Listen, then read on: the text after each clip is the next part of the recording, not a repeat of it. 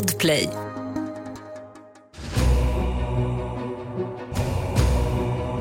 I Sveriges mörka minnen tar vi med er på en resa genom landet för att återupptäcka de händelser som på gott och ont har förändrat Sveriges historia. En grå marsdag år 1889 hittas en kvinnokropp i Yngsjö i Kristianstads kommun. Kvinnan var Hanna Johansdotter och snart ska det som först verkade vara en tragisk olyckshändelse visa sig vara ett brutalt mord. Och Hannas egen make och svärmor blir misstänkta. Mordet får enorm uppmärksamhet och en historia om svartsjuka, övergrepp, våld och incest nystas upp. Det här är historien om Yngsjömordet.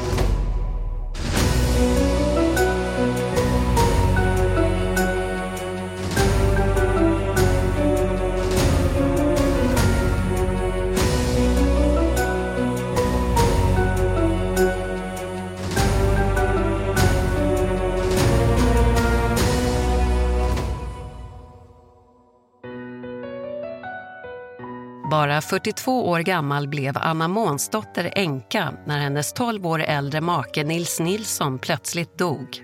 Tillsammans hade de fått tre barn, men bara ett hade överlevt. Det var sonen Per Nilsson. Per var 21 år gammal när pappan dog och han fick då ta över släktgården. Det beskrivs hur Anna Månsdotter hade gift sig med maken Nils i hopp om att få ett bättre liv och en lycklig framtid. Men så hade det inte blivit. Istället levde paret i fattigdom och fick en bitter tillvaro med skulder och ensamhet på gården.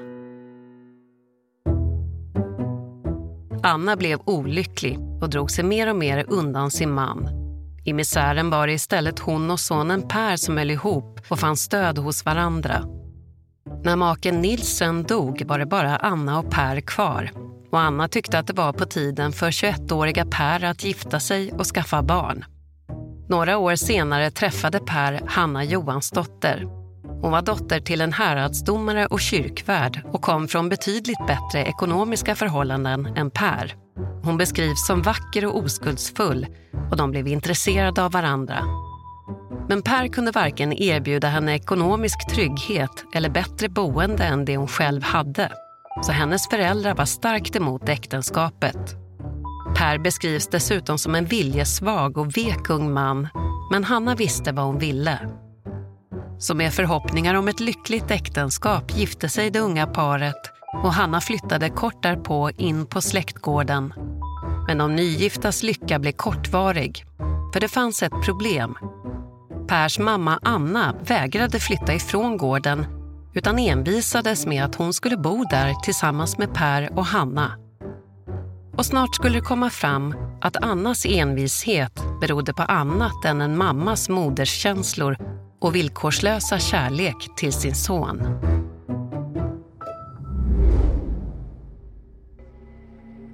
Hanna hade hört hur folket i byn pratade om Per och mamman Anna men hon hade såklart bara trott att det var rykten och skvaller.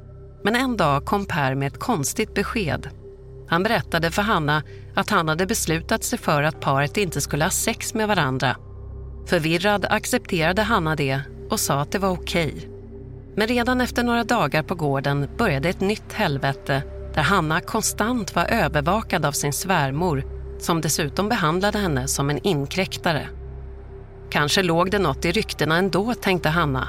Alla rykten som sa att hennes make Per och hans mamma Anna hade en opassande relation med varandra. Hanna gick förtvivlad till sin far för att få hjälp och bad om att få flytta hem igen till föräldrahemmet.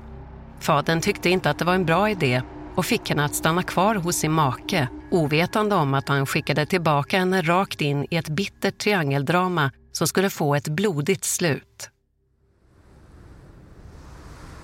Snön låg mjuk och inbjudande över gården och bäddade in den i ett gnistrande täcke Hanna hade varit borta ett par timmar för att hälsa på sina föräldrar. Nu tog hon de sista stegen fram till storstugan men utanför köksfönstret blev hon stående. Hon knep ihop ögonen hårt och spärrade upp dem igen. Inte kunde det väl vara sant? En ilning gick genom hennes kropp och hon kunde inte slita blicken från scenen som utspelade sig genom köksfönstret. Två dagar senare låg hon som vanligt i sängen bredvid sin man. Hon tog ett djupt andetag och försökte maskera den darrande rösten bakom spelat självförtroende. Hon frågade honom rätt ut om det var så att ryktena stämde. Per höll andan. Han blev vit i ansiktet men förblev tyst och vände sig bort ifrån sin fru. För Hanna var det svar nog. Hon knöt näven hårt och pressade naglarna mot handflatan. Hon ville inte att Per skulle höra hennes gråt. Och bredvid henne låg hennes make vaken hela natten med samma panik som hon. Vad skulle han ta sig till?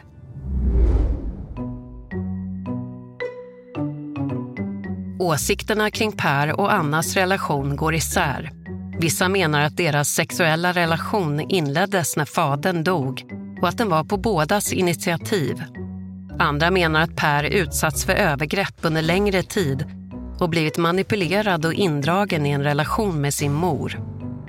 Till en början hade modern själv uppmuntrat Per att hitta en fru vilket vissa menar skulle ha varit ett sätt att städa undan ryktena om deras opassande förhållande.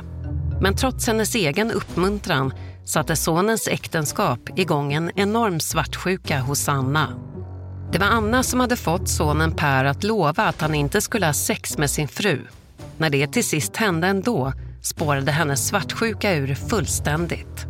När Per konfronterades av Hanna och både han och modern förstod att deras hemlighet var avslöjad visste de att det var kört. Sanningen skulle komma ut om de inte gjorde något åt saken. Exakt vad som hände sen och vem som gjorde vad är inte fastställt. Det vi vet är att Hanna Johansdotter mördades på gården den 28 mars 1889. Ett poddtips från Podplay.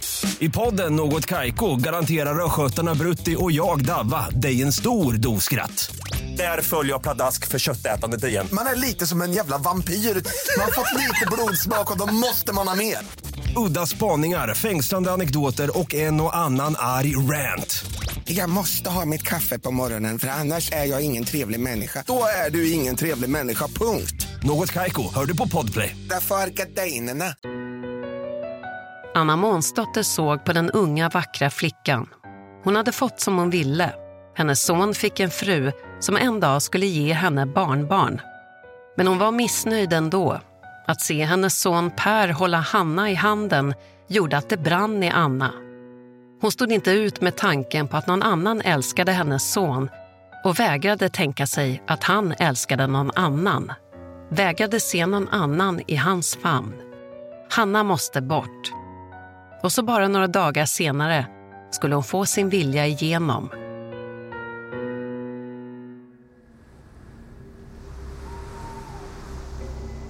Anna och Per stod utanför huset där sonens fru ovetande låg och väntade på sin make.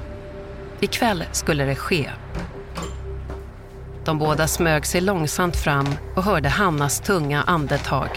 Per bet ihop käkarna när han gick upp tätt intill henne och höjde sin hand. Så plötsligt spärrade Hanna upp ögonen, men det var för sent. Slaget träffade henne rakt över tinningen och Anna hukade sig över henne satte händerna kring hennes hals.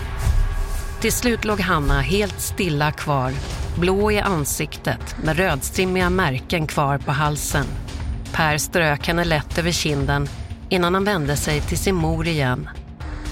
Anna tog i tystnad hans hand och tillsammans betraktade de den livlösa kroppen.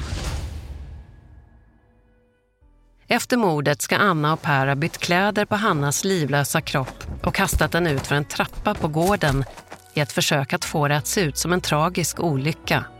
Men försöket misslyckades och mor och son misstänktes direkt. Moderns och sonens förhållande var något de hade lyckats hålla hemligt fram tills rättegången när sanningen kom fram. Och rätten menade att det var tydligt att deras relation hade varit motivet för mordet på sonens unga hustru. Men det var ett komplicerat fall. Under rättegången framkom inte bara att mor och son hade en relation och att Anna förmodligen hade utnyttjat Per som barn utan också att Anna själv hade utnyttjats av sin far när hon var barn. Vissa menar att det här därför också kan beskrivas som en tragisk historia om arvsynd och övergrepp och att alla inblandade var offer för sina öden. Vem bar egentligen den största skulden för mordet och på vems villkor var moderns och sonens förhållande? Var det den envisa Anna som hade manipulerat Per till att mörda Hanna? Eller hade det tvärtom varit Pers idé för att skydda sitt rykte efter att Hanna hade sett dem tillsammans? Både Anna och Per erkände till sist mordet och berättade att de misshandlat och strypt Hanna till döds. I en första rättegång frikändes Anna Månsdotter medan sonen Per dömdes till döden. Fallet prövades flera gånger och till sist dömdes de båda till döden genom halshuggning. Men båda två lämnade in nådeansökningar. Det beslutades att Pers straff skulle omvandlas till livstids straffarbete. Hans mildare straff bestämdes till stor del utifrån den nya informationen att modern hade utsatt honom för övergrepp ända sedan han var barn.